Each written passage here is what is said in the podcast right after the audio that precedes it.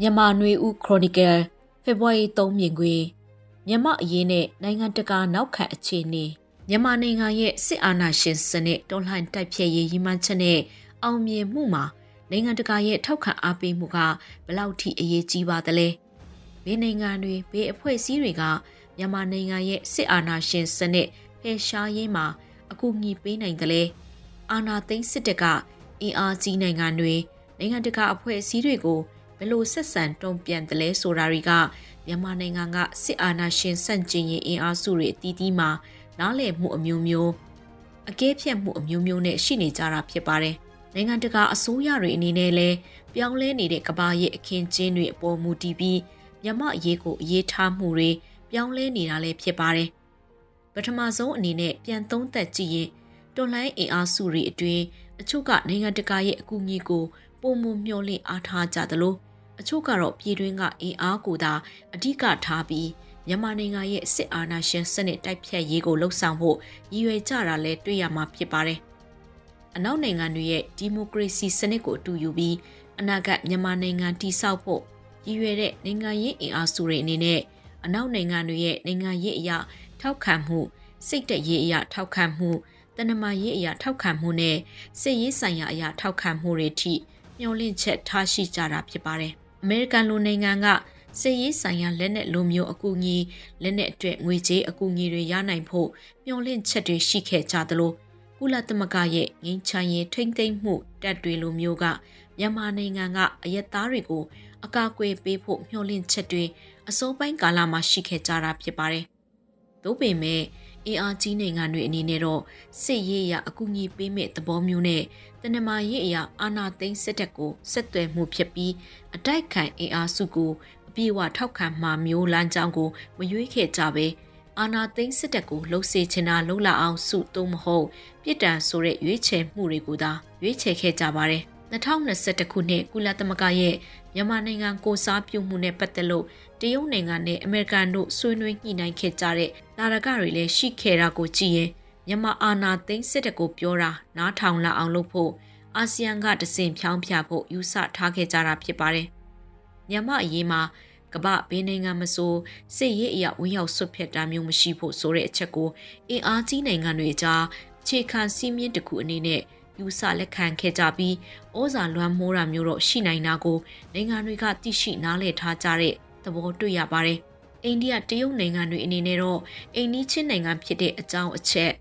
မြန်မာနိုင်ငံမှာရင်းနှီးမြှုပ်နှံမှုဆိုင်ရာအကျိုးစီးပွားတွေရှိနေတဲ့အပေါ်မူတည်ပြီးစစ်တပ်နဲ့စစ်ဆိုင်ရေးထက်ကိုလက်ရှိနိုင်ငံကိုထိန်းချုပ်ထားတဲ့အစိုးရကိုဆက်ဆံခြင်းဖြစ်တယ်ဆိုတဲ့အယူအဆကိုကင်ဆွဲပြီးတန်တမာစစ်ဆိုင်ရေးတွေကိုဆက်လက်လှုပ်ဆောင်နေခဲ့တာဖြစ်ပါတယ်။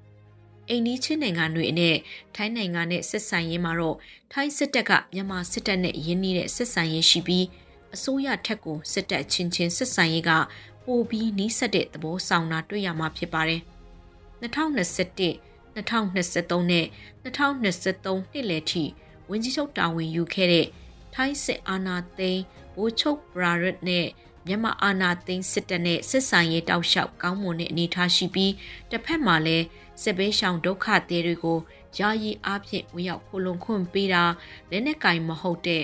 မြန်မာအတိုက်ခံအင်အားစုတွေထိုင်းနိုင်ငံထဲနေထိုင်လှုပ်ရှားနေကြတာတွေကိုအတိုင်းအတာတစ်ခုထိမတိချင်အောင်ဆောင်ခွင့်ပြုထားလို့ထိုင်းအစိုးရဟာတရုတ်တို့အိန္ဒိယတို့နဲ့မတူဘဲကွဲပြားတဲ့အနေအထားလို့ဆိုနိုင်မှာဖြစ်ပါတယ်။ စစ်အာဏာရှင်ဖြုတ်ချရေးမှာနိုင်ငံတကာရဲ့အကူအညီနဲ့ပတ်သက်လို့ပြန်ချုပ်ရရင်နိုင်ငံတကာအနေနဲ့ဆက်လက်နဲ့ပျက်စီးလို့ရောဝတ္ထုဆိုင်ရာစစ်ရေးအတွက်ငွေကြေးလို့ဗဏ္ဍာရေးဆိုင်ရာအကူအညီတွေပေးဖို့မရှိသလိုတနမာရေးအရာလဲတရားရာနှုံးအပြည့်အဝထောက်ခံတဲ့အနေအထားမျိုးမရှိတာကို တွေ့ရမှာဖြစ်ပါတယ်။ကမ္ဘာမှာယူကရိန်းနဲ့ရုရှားစစ်ပွဲလိုပါလက်စတိုင်းမှာဆင်နွှဲနေတဲ့အစ္စရေးရဲ့ ဟာမတ်စ်နေနေရဲ့အကြောင်းပြတဲ့စစ်ပွဲတွေလိုဒေသတွင်းတစ်ခုလုံးရဲ့အရေးဖြစ်တဲ့စစ်ပွဲတွေကမြန်မာအရေးကိုလွှမ်းမိုးသွားကြတာဖြစ်ပါတယ်။မြန်မာနိုင်ငံမှာစစ်အာဏာသိမ်းပြီးတစ်နှစ်ကြာမှာယူကရိန်းရုရှားစစ်ပွဲစတင်ခဲ့ပြီးနှစ်နှစ်ခွဲကျော်အကြာမှာပါလက်စတိုင်းအစ္စရေးစစ်ပွဲဖြစ်ပွားခဲ့တာဖြစ်ပါတယ်။